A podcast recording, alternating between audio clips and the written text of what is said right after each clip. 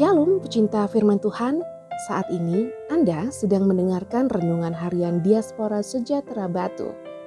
Pembacaan Alkitab diambil dari kejadian 35 ayat 22b sampai 29. Anak-anak Yakub, Ishak mati. Adapun anak-anak lelaki Yakub, 12 orang jumlahnya. Anak-anak Lea ialah Ruben, anak sulung Yakub. Kemudian Simeon, Levi, Yehuda, Isakar, dan Sebulon. Anak-anak Rahel ialah Yusuf dan Benyamin.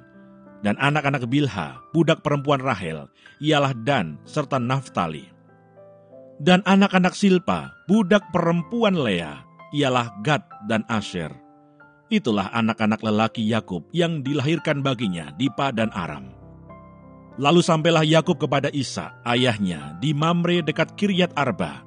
Itulah Hebron, tempat Abraham dan Isa tinggal sebagai orang asing.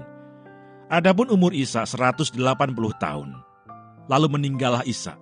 Ia mati dan dikumpulkan kepada kaum leluhurnya. Ia tua dan suntuk umur, maka Esau dan Yakub anak-anaknya itu menguburkan dia.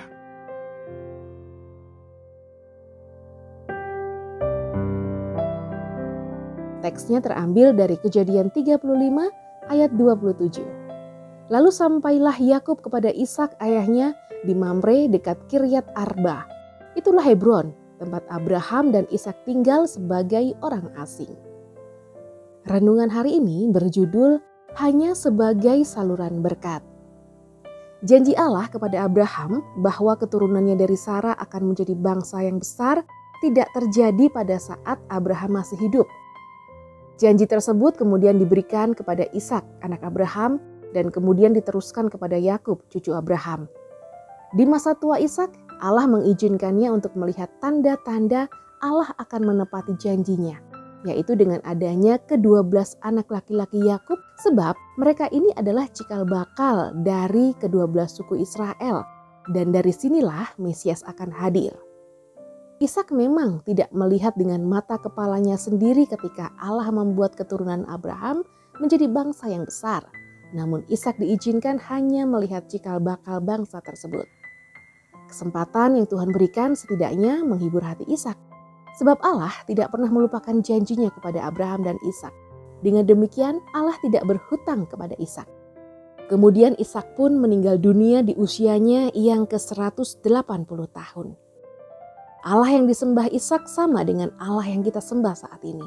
Dia tidak akan pernah melupakan janjinya namun yang sering terjadi, manusia itu sendiri yang memaksa Tuhan untuk merealisasikan janjinya pada saat ini juga. Dan ketika Tuhan tidak mengizinkannya, maka manusia kecewa dengan Tuhan.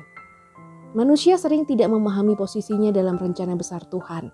Apakah ia orang yang Tuhan pakai sebagai penerima proyek Allah, sebagai orang yang menyiapkan, atau sebagai penikmat?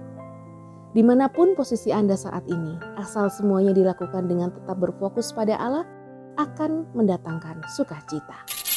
Tetapi Elia diutus bukan kepada salah seorang dari mereka, melainkan kepada seorang perempuan janda di Sarfat di tanah Sidon. Lukas 4 ayat 26, Tuhan Yesus memberkati.